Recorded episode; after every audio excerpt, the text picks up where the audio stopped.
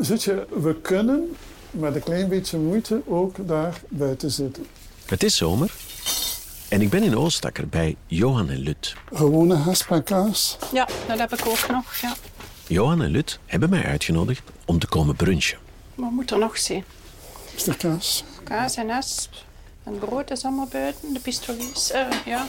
Maar eerst moet Joni dan weg, vind je? Hebben jullie Joni al gezien? Joni is een prachtige bruine jachthond. We zijn heel blij dat we Joni hebben. Zo. Ga er veel mee gaan wandelen. De hond is dol enthousiast als hij ons ziet. Joni, rustig. Kom Joni, kom. Rustig Joni, rustig, rustig. Nog een beetje naar hier trekken, dat we Wacht een beetje. hè. toch wat meer schaduw hebben. Oké. Jonny, kom hier, kom hier. Zit. Hm, dat is nog wat oefenen. Dit is Mistlicht. Een podcast over dementie. Over wat het is en wat het met mensen doet. Ik ben Sven Spijbroek. Ik heb zelf ervaren, door mijn moeder, hoe dementie een mensenleven verandert. En daarom maak ik deze reeks. Omdat ik wil weten wat het is, dementie. En wat het doet met mensen. Dit is aflevering 3 over Johan en Lut. Joni, Jonieke.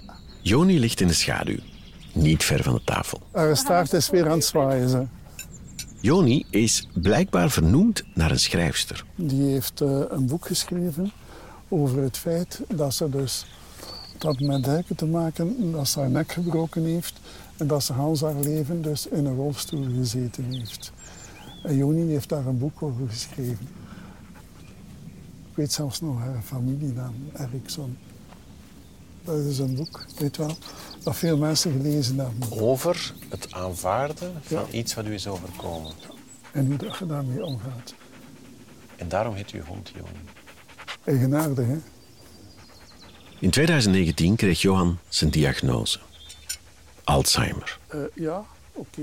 In het begin kon niemand het geloven. Zijn omgeving niet, zijn dokter niet, want er was niks aan hem te zien.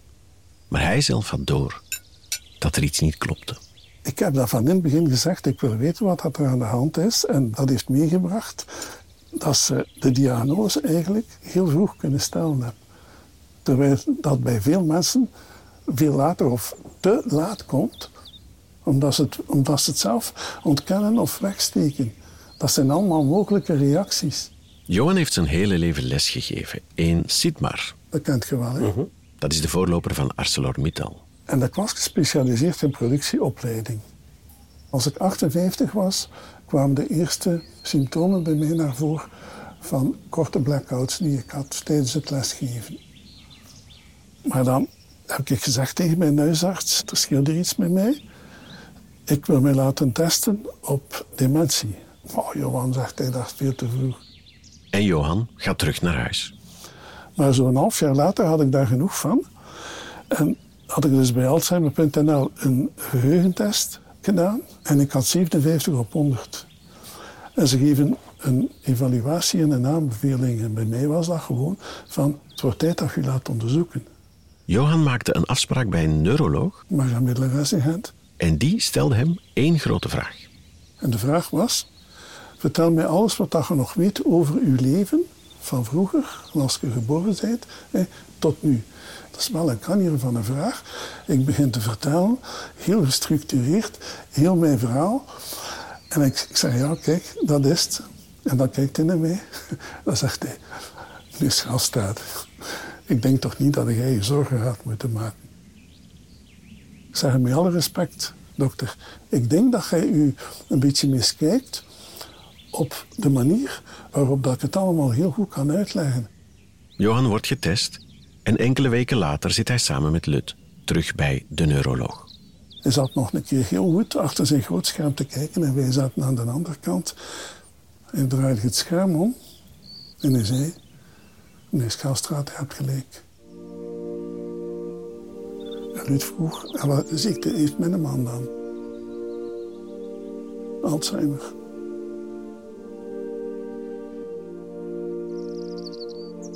Terwijl Johan zit te vertellen, zit Lut hem de hele tijd aan te kijken. En ze zit wat ongemakkelijk op haar stoel. Ik voel dat ze iets wil zeggen. Johan is er juist mis geweest. Hij was nou bezig over zijn carrière op Sidmar als hij gestopt is op 60 jaar. Ik heb nu gezegd van als ik daar op Sidmar was met mijn blackouts en als ik op pensioen Ja, ben, heb ik die een test gedaan. Ja. Maar die test is jaren later gekomen. Dat is heel juist wat En dat dat is gezegd. twee jaar daarvoor dat je het dan aan uw dokter gevraagd Ja, hebt. dat is heel juist. Ook de volgende keren dat ik bij Johan en Lut op bezoek ga, neemt Lut de rol op van liefdevol factchecker. Zij zorgt ervoor dat wat Johan vertelt ook helemaal klopt. Ik dacht eerst in het begin, oh, ja, gelijk dat iedereen zegt, iedereen vergeet wel een keer iets. Ja, maar dat heb ik ook enzovoort. Hè. Ik sta daar in de berging en ik denk, allee, wat sta ik hier nu te doen? En Johan zei dat ook. Ik sta hier en ik weet niet waarom. Ik zei, ja, ik heb ik dat ook. Gelijk dat alle mensen zo reageren eigenlijk. Hè. Maar uiteindelijk, ja, als dat meer en meer voorkomt, denkt het dan, het is misschien toch iets aan de hand. Dat was een opluchting voor mij. Ja, voor Johan was dat een opluchting van, zeg, ik weet nu wat dat is. Ja. Maar voor mij was dat zo van, allee, dementie, kom aan. Je kunt daar niks aan doen. En dan ga je langs de meer achteruit. En dan denk je, oh nee, we gaan we hier allemaal meemaken.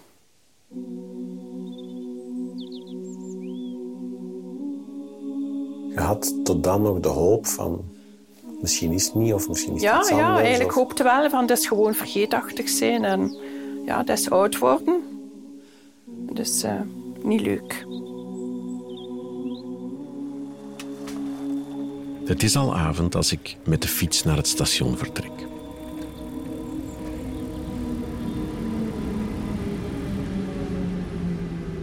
Op de trein surf ik wat rond en ik vind een filmpje van de vrouw die haar naam aan de hond gaf. Hi, I'm Johnny Erickson Tata, and today is pretty special. Because today marks the day when I took that dive. Joni, of Johnny Erickson zoals ze zichzelf noemt, vertelt over de gebeurtenis die haar leven veranderde. How I had to throw away all my plans, all my hopes and dreams. But I wasn't the only one. Ze wijst erop dat het ook voor de omgeving zwaar is. My diving accident not only changed my life, the lives of everyone in my family. Ik zeg altijd, de familie is mijn patiënt. Luc van de Ven is klinisch ouderenpsycholoog, verbonden aan het Universitair Psychiatrisch Centrum van Leuven. Niemand lijdt alleen. Het is in vele gevallen een proces hè, waar dat een familie samen doorgaat. En hoe snel men dan overgaat tot, verdomme, ik moet me laten onderzoeken, hangt bijvoorbeeld af van een aantal dingen. Met het meest cruwe beginnen, de onderliggende oorzaak van uw aandoening. Dan krijg ik soms mensen die bij mij glimlachend binnenkomen en zeggen: Meneer Van de Ven, ik wil me best laten onderzoeken hoor, maar eigenlijk zou u mijn vrouw moeten onderzoeken, want die heeft een angstprobleem. Ten tweede, als ik de man ben die altijd thuis de knopen heeft doorgehakt en mijn vrouw gedwee luisterde naar mij, als zij dan zegt tegen mij van Luc, je moet u eens laten onderzoeken, dan zal het tikken en bras zijn, denk ik. Hè? En zo zie je dat in elke familie er verhoudingen zijn die mee bepalen hoe men met deze vragen of met deze angsten of met deze twijfels omgaat. Stel dat je begint te prutsen met een auto en gevaarlijk op de weg. Daar zijn mannen die hun dochter danken voor hun streng optreden en zeggen: Hier, hier zijn mijn sleutels. Daar zijn vooral dan mannen die liever de ernstigste ziekte krijgen dan de sleutels van de auto af te geven. Hè? En waar het eigenlijk op aankomt, hè, en dat klinkt natuurlijk heel romantisch, maar is het niet zo, is zo de vraag van, meneer, waarom zouden uw kinderen zich nu zo dik maken in uw auto rijden? Waarom doen ze dat? En dan zegt zo'n senior, ik weet het niet. Ik zeg, ja, maar zou het misschien kunnen zijn dat ze u graag zien? Dat ze bezorgd zijn. En dan zegt die man, ik denk het. En dan doe ik er nog een schep bovenop. Jij denkt dat maar. Jij bent niet zeker dat uw kinderen dit doen uit liefde voor u? En dan weet ik altijd, dan is het erop of eronder. Hè? Als dan de frank valt van, ja, die zien mij graag, die doen dat niet om mij te koeieneren, dan kunnen we een stap verder zetten. Maar de therapie begint echt te werken wanneer we kunnen bespreken van wat ga jij doen? Wat ga jij doen aan je eigen positionering binnen dit koppel of binnen deze familie? Johan haalt veel kracht uit zijn geloof. Hij is lid van de Evangelische Kerk in de Bourgogne in Gent. Waar is een dienst juist? Waar gaan we nu naartoe? Mariakerk. En dat is een... Een evangelische kerk. Ja, in Mariakerk. Zijn er veel in de buurt? In Gent een tiental, denk ik. We rijden van Oostakker naar Mariakerke. En we passeren de gigantische rotonde van Gent-Dampoort. Het zijn hier allemaal buildings rondom ons die aan het komen zijn. Het is zondagochtend half tien. Het zonlicht valt de auto binnen. Johan zit vooraan, Lut zit aan het stuur en ik zit op de achterbank. Johan, rijd jij nog met een auto? Rijden met een auto? Wacht niet meer, hè. Met een Alzheimer moet je niet meer rijden, hè. Of je moet elk jaar zo een keuring hebben, hè. Ja, ja. ja dat met een auto moet gaan rijden, Ja. een examen doen. Ja. Dat zie me niet zitten. Als ik mijn diagnose kreeg, dan heb ik direct gezegd, eh, ik ga stoppen met rijden. Ik ben ook zo geen goede chauffeur als Lut. Vroeger ook al niet. Nee, Nee, nee, nee, nee, nee. Als we samen rijden, hè, rijd ik eigenlijk al 10, 15 jaar rijd ik eigenlijk. Als we alle twee weg zijn. Ja, ja, dat klopt, ja. Dat is ook een probleem bij dementie. Stel dat ik nu door de stad zou rijden, er komen zoveel prikkels op mij af dat ik die niet kan verwerken. En met de fiets gaat dat iets beter. Dat doet je nog wel, fietsen. Ja. Ruud heeft mij al een paar keer moeten corrigeren. Ja, Hè, kwestie maar- van verkeersregels. Ja. Aan het punt dat je echt moet stoppen, dus als fietser ook. Hè. En de mensen die van de Dampoort komen, moet voorlaten. En meneer dacht dat hij voorrang had. En hij rijdt gewoon door terwijl andere auto's afkwamen. En hij was boos op die chauffeurs. Ja, maar ik weet... hij boos moest zijn ja, op zichzelf. dat je dat zegt, kan ik me nog herinneren. ja, Ja, ja, ja, ja. Bij alle mensen met Alzheimer, die hebben daar allemaal problemen mee. En na een tijdje stoppen die gewoon om met een auto te rijden. Ook om veiligheidsredenen. Kijk, het was hier. We reden hier op fietspad. En er kwamen auto's van Genter. En ik moest hier stoppen. En heb ik doorgereden? Of Ja, was- tuurlijk. Ja, oké.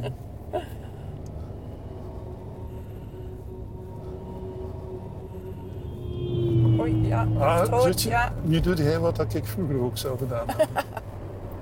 Hopelijk staat er zo geen flits. Zie dat we levend aankomen. Hè. Als ik zeg dat zie ik niet meer, dat is overdreven. Maar het is gewoon te veel voor mij om het allemaal te kunnen zien en op te nemen.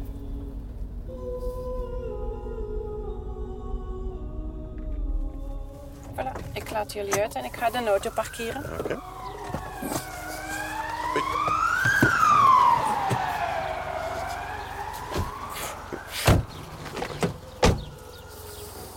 Is dat een bijbel dat je bij hebt of een gebedenboek? Of? Eh, ja, de meeste mensen brengen wel de Bijbel mee.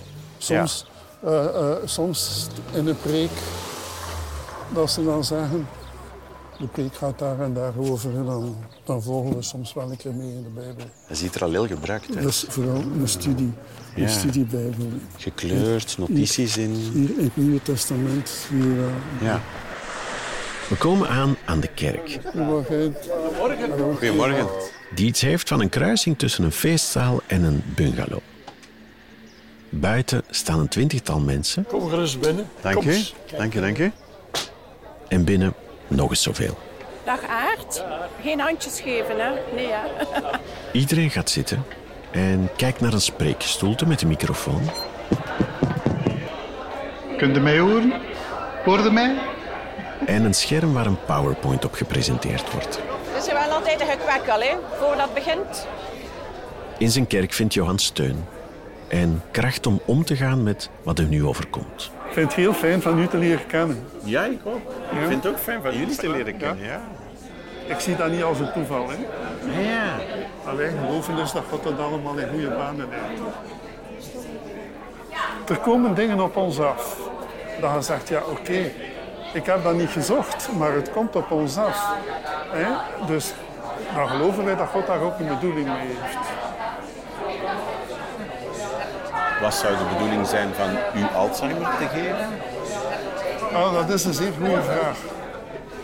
Een zeer goede vraag. Maar voordat Johan een antwoord kan geven, begint de dienst.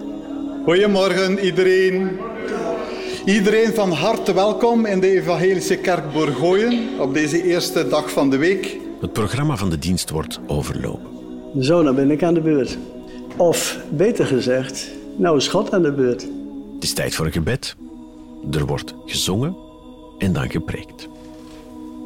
Op een dag komt er een moment voor ieder van ons dat we hier moeten vertrekken. Onherroepelijk komt die dag voor iedereen. Denk maar een keer aan al de mensen die ziek zijn. Die komen thuis in een wereld waar alles perfect is. Nu gaan we een liedje zingen. Lied 488. Heer, ik kom tot u.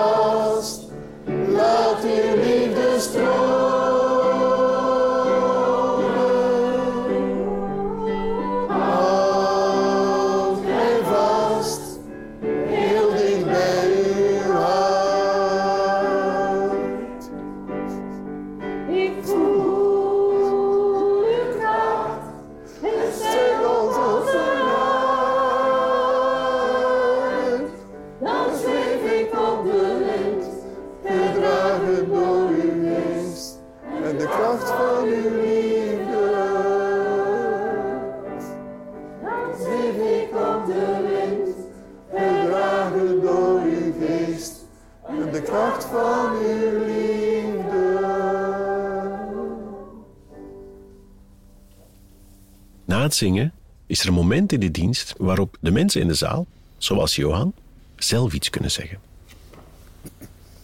Heer, we zijn heel diep ontroerd en ja, ik kan er de woorden niet voor vinden, Heer. Onder de indruk ook van het feit dat u hier in ons midden bent. U daalde neer van uw troon om mens te zijn. Van de stal naar het kruis droeg u mijn pijn. Van het kruis naar het graf bent u opgestaan. Dank u wel, Heer, in uw heilige naam.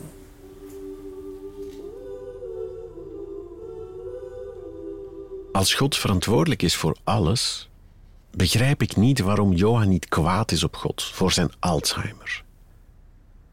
Enkele weken later, als ik hem terugzie bij hem thuis, vraag ik het hem. Heb je echt het gevoel dat God u Alzheimer heeft gegeven? Nee, nee, nee, dat gevoel heb ik niet. Dat gevoel heb ik niet. Maar wel dat God dat ook wil gebruiken om voor anderen van betekenis te zijn. Eerst en vooral betekenis in mijn eigen leven, maar ook kreeg naar anderen.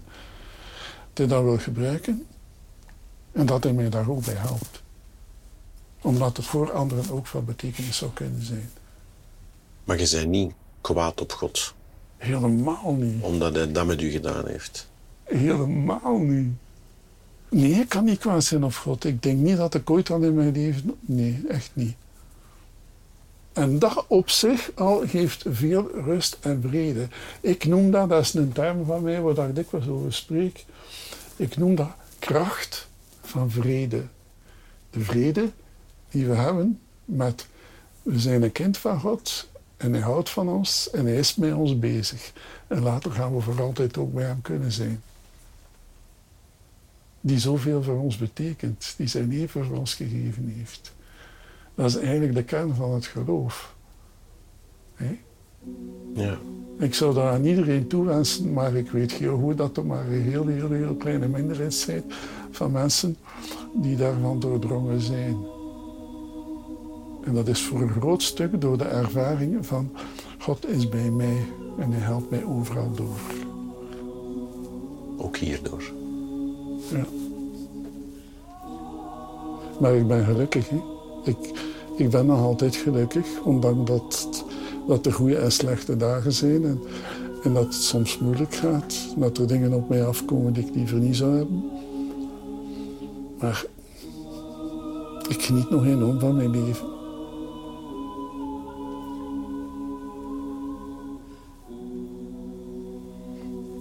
Ben blij dat ik dat een keer mag vertellen aan jullie.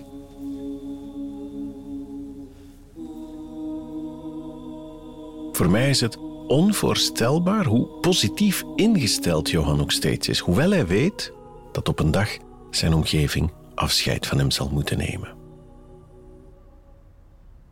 Enkele weken later ben ik opnieuw bij Johan en Lut. Ja, koffie is bezig.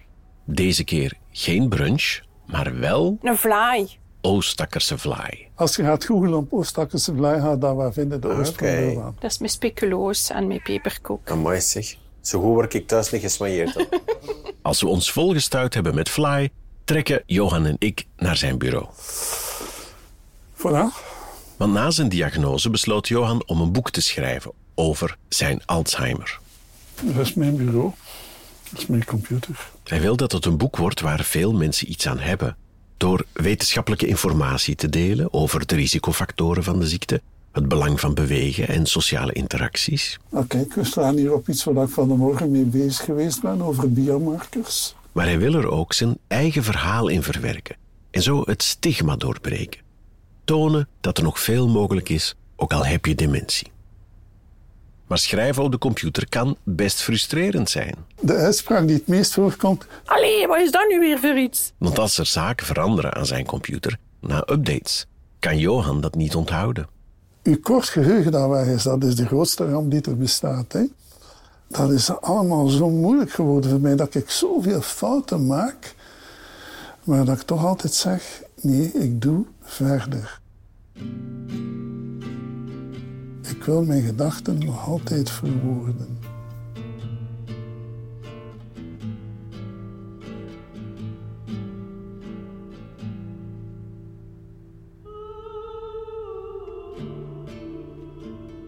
Ik werk elke dag een stukje aan mijn boek. En de ene dag zijn dat misschien vier uren en de andere dag is dat misschien maar een uur. En als dat een goede dag is, is dat langer. En als dat op een slechte dag is, is dat veel minder. En in principe wil ik dat doen zolang ik dat kan. Hebben jullie daarnet gezegd dat je goede en slechte dagen hebt? Ja, absoluut. Hoe verschillen die? De ene keer lukt het mij beter om dingen te verwoorden dan de andere keer. Ehm, de mist in mijn hoofd. Als de mist optrekt, dan heb ik nog een aantal goede uren om daar cognitief goed mee bezig te zijn. Maar je voelt echt zelf ook van... Ja. Nu is er meer mist en nu is er minder mist. Ik denk dat u dat ook ervaart. In die zin, als ik slechte dagen heb, dan ben ik ook moeilijker behandelbaar. En ze merkt het gewoon aan mij. Alhoewel dat ik het ook probeer weg te steken. Maar ze doorziet het eigenlijk constant altijd. Dus het had gekund, als we hier vanmorgen aankwamen, dat het een slechte dag was geweest. Eigenaardig genoeg, van de morgen had ik eh, het idee... Het zal een slechte dag zijn vandaag. Johan schrijft, maar de tijd tikt verder. Stel nu dat ik nog vijf, zes, zeven goede jaren zou hebben. Als het moment gekomen is dat ik niet meer verder kan schrijven, dan stopt voor mij het boek met alle hoofdstukken die ik ondertussen al afgewerkt heb. En dan gaat Lut, samen met de kinderen, een afsluiting schrijven. Zodat zij eigenlijk het ook allemaal ervaren hebben. Het einde is, Johan is opgenomen in een rusthuis. En Johan is niet meer in staat om verder daarmee bezig te zijn en om verder te schrijven. Johan scrolt verder door zijn manuscript. Dat is het Word-document. Dat is het hoofdstuk De ziekte van Alzheimer. We passeren foto's van toen hij aan het werk was in Sidmar, tabellen, voetnoten, bronverwijzingen. En ook een gedicht dat hij helemaal zelf schreef. Ik begin altijd met een soort van intro in elk hoofdstuk. En dat is nu een gedichtje. Mijn Alzheimer. Ik ken je, maar ik ben je naam vergeten. Ik zoek en zoek, maar vind je niet. Waar heb ik je gelegd? Waar was ik ermee bezig? Wat wou ik ermee doen? Het voelde als vruchteloos zoeken op een plaats die niet bestond, want ik vond je niet terug. Alleen frustratie en verwarring, alsof het mijn geheugen was.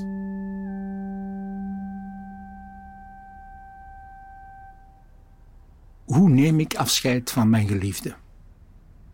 Wij dromen dat we dat gaan doen zoals in de Amerikaanse films.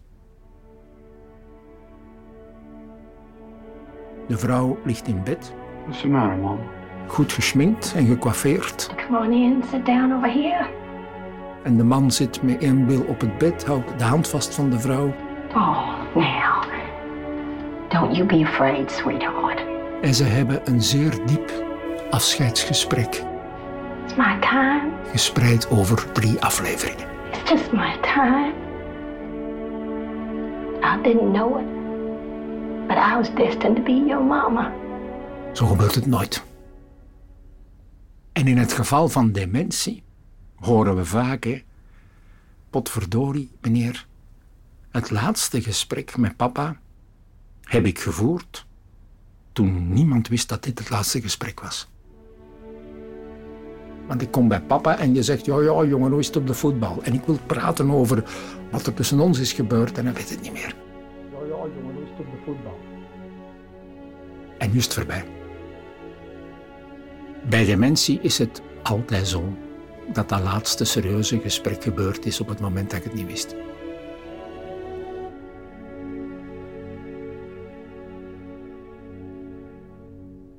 We zijn twee weken geleden op vakantie geweest naar Bretagne. Ik bereid dat voor, hè? Elk jaar organiseert hij alles. Dus heeft dat nu van het jaar ook gedaan. We kunnen naar Saint-Malo gaan, naar de Mont Saint-Michel, al die dingen. En s'avonds slaat hij volledig tilt. Geef een keer een voorbeeld van hoe kan maken Van alles. Dat hij echt niet meer weet. Ik wil hier alles georganiseerd hebben, gelijk dat dit gewoon geweest is. En nu ging dat niet. Dat ging echt niet. Dat is waar. We hebben dan samen gezeten. Ik zeg, kom, dan gaan we dat doen en dat doen en dat doen. Word je daar niet kwaad van soms? Ikke. Nee, hè? Oh, ikke, ikke wel. Jij ook, ja? Ja, ja, ja. Ik denk dan, oh nee, het is nu weer dat. Ik moet dat aanvaarden en ik moet dat leren. Het is ook nog niet echt geleerd. Nee, hij bent dan ook Nee. bezig van, oh nee, het is, het is zo en het is zo. Mijn karakter werkt tegen. Dus ik laat dat gewoon over mij heen komen. Ik pas me altijd aan, maar dat lukt niet altijd. Dat zijn de dingen waar dat jij het moeilijk mee hebt. Dat zijn de dingen waar ik het moeilijk mee heb. Ja. Ja. Ja. Beetje bij beetje moet ik dat Ja. ook leren. Hè. Dus eh, Mijn persoonlijkheid blijft dezelfde, maar mijn karakter verandert ook. In zekere zin. ja, ja. Is dat zo? Ja. Hoe, hoe verandert dat dan? heeft een goede eigenschap die veranderd is. Iets goed. Zich minder boos maken is het woord niet, maar als er iets niet naar zijn goesting is, dat valt minder voor. Dus ik ben heel blij. Want ik heb vorig jaar de cursus Dementie en Nu gevolgd in Maria Middelares. En ik hoorde daar van mensen, mijn man is zo agressief geworden. Echt, dat ik dacht, oh nee, wat staat er mij allemaal te wachten? Maar op dat gebied is hij verbeterd, mijn ventje. Ik ben heel blij dat ik het u niet zo moeilijk maak. Nee, op dat gebied is het verbeterd. Maar ja, ik heb dan de moeilijkheden dat jij u niet laat helpen. En moet mij er ook bij neerleggen. Ik wil het zo lang mogelijk nog zelf doen. En ik denk dat de gedachte die erachter is, als ik dat nu opgeef, ga ik nog sneller achteruit gaan. Ja, ik weet het, maar voor mij is dat niet leuk om te zien klungelen met Het dingen. is niet sukkelen, ja. Terwijl we daar zitten te praten, hebben we niet in de gaten dat het steeds donkerder wordt in huis. En het begint nu ook eerst nog zachtjes te regenen. Ik hoor, ik kan wel zakkeren. Dan vindt hij het vuilblik niet, gelijk van de morgen. Dat zit ons constant in mijn hoofd. Ik moet dat mee helpen zoeken. We vinden het dan niet en dat blijft gewoon in mijn hoofd zitten. Terwijl dat bij Johan misschien al volledig weg was. Maar dat blijft gewoon in mijn hoofd zitten. En het is nu maar een stom voorbeeld, maar Nee, want ik had het nodig, het vuilblik. het zijn, Dus. ja, het zijn zoveel van die dingen. En je wilt daar iets aan doen, maar dat gaat niet. Dat is het vooral. Je wilt dat dat weggaat, die Alzheimer, maar dat gaat gewoon niet. Je kunt daar echt niets aan doen. Dus je moet stap voor stap leren zetten. En dat gaat niet altijd. Dat gaat bij mij ook niet altijd. Hè. En vandaag vind het erg dat hij het vuilblik niet vond. Ja? Maar moest dat gisteren geweest zijn, zou ik dat ook erg vinden. Het zijn maar domme dingen, hè. een vuilblik. Allee. Kom aan, dan achteraf denkt het dan... "Oh, waarom zit daar niet mee bezig met een vuilblik? Hij moet en hij zal dat vinden. Maar kijk, het is nu nog niet gevonden. Ja, het gaat ook over een aspect van de achteruitgang van mijn cognitie. Dat ik eh, eigenlijk constant naar dingen moet zoeken die ik niet vind. In de meeste gevallen dat ik totaal niet meer weet wat ik ze gelegd heb, want dat geheugen dat is weg. En dat is moeilijk voor mij, maar dat is ook moeilijk voor u die er dan mee geconfronteerd wordt. Ze zeggen het dan in de cursus, stap voor stap aanvaarden. Maar dat gaat zomaar niet hoor. Dat gaat niet op 1, 2, 3. Ik ben dat ook zo beu van dat zoeken. Een vuilblik, hoeveel kost dat? 2, 3 euro. Maar ja, we doen ons best. Hè.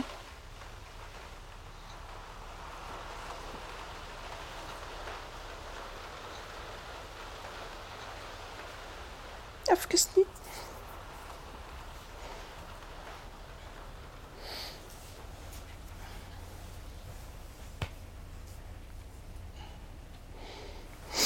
Allee, sorry dat ik het hier een beetje in de war breng. Dat is niet Ik ga mijn zakdoek gaan halen. Nee, helemaal niet. Dat doet jij niet. Ja. Dat doet jij niet. Maar ik denk dat je het ook een beetje beter zou kunnen aanvoelen en begrijpen als we zouden vertellen wat dat er ondertussen met Ruud aan de hand is. Wil je daarover spreken, Zoetje? Maar ja, dat betert allemaal wel. Dat is een typische reactie, hè? Maar nu vrijdag moet ik zo een cardioversie ondergaan voor mijn hartritme weer op orde te krijgen. Maar ik ben daar niet mee bezig, dus het is niet dat.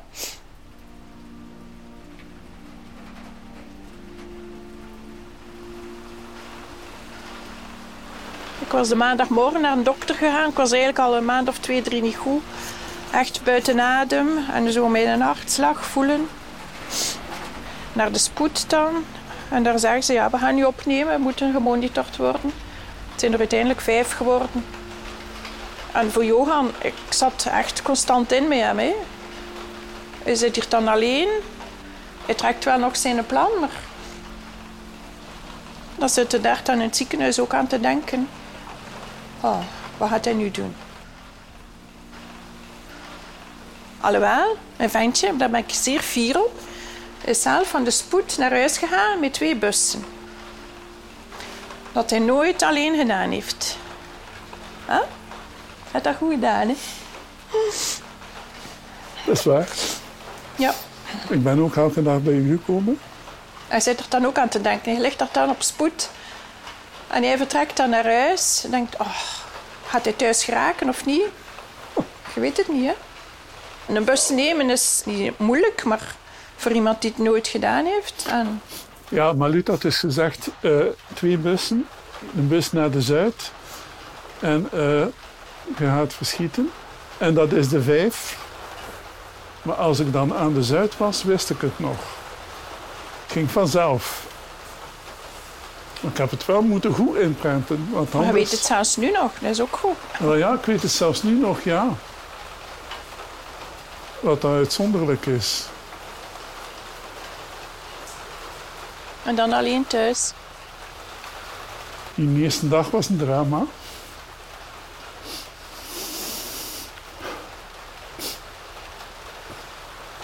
Uren geweend. En dan probeer ik daar een verklaring aan te geven. Probeer ik dat aan mezelf uit te leggen, omdat ik daar iets wil over schrijven. Mijn vertrouwde omgeving. Dat is een groot deel van mij nou vast. En nu weer hetzelfde. Hier alleen zijn. verloren lopen en heel emotioneel zijn. En bij het minste zijn aan het wenen.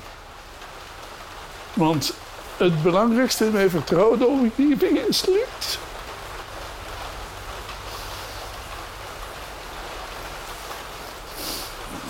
En ze was er niet.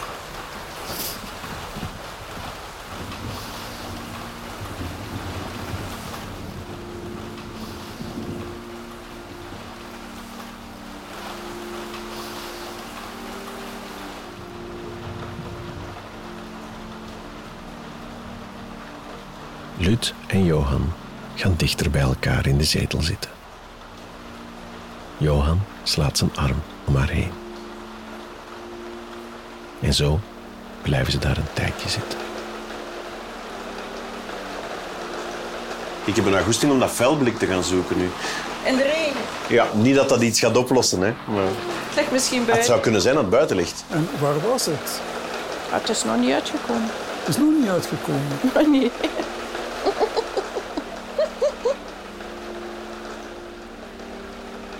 veel daarna rijd ik met de fiets door de regen terug naar het station. In mijn rugzak zitten vier stukjes Oostakkerse vlaai, die ik van Lut per se moest meenemen. Voor mij, mijn vrouw en mijn kinderen. Haar zorg stopt niet in Oostakker, maar gaat zelfs met mij mee naar huis.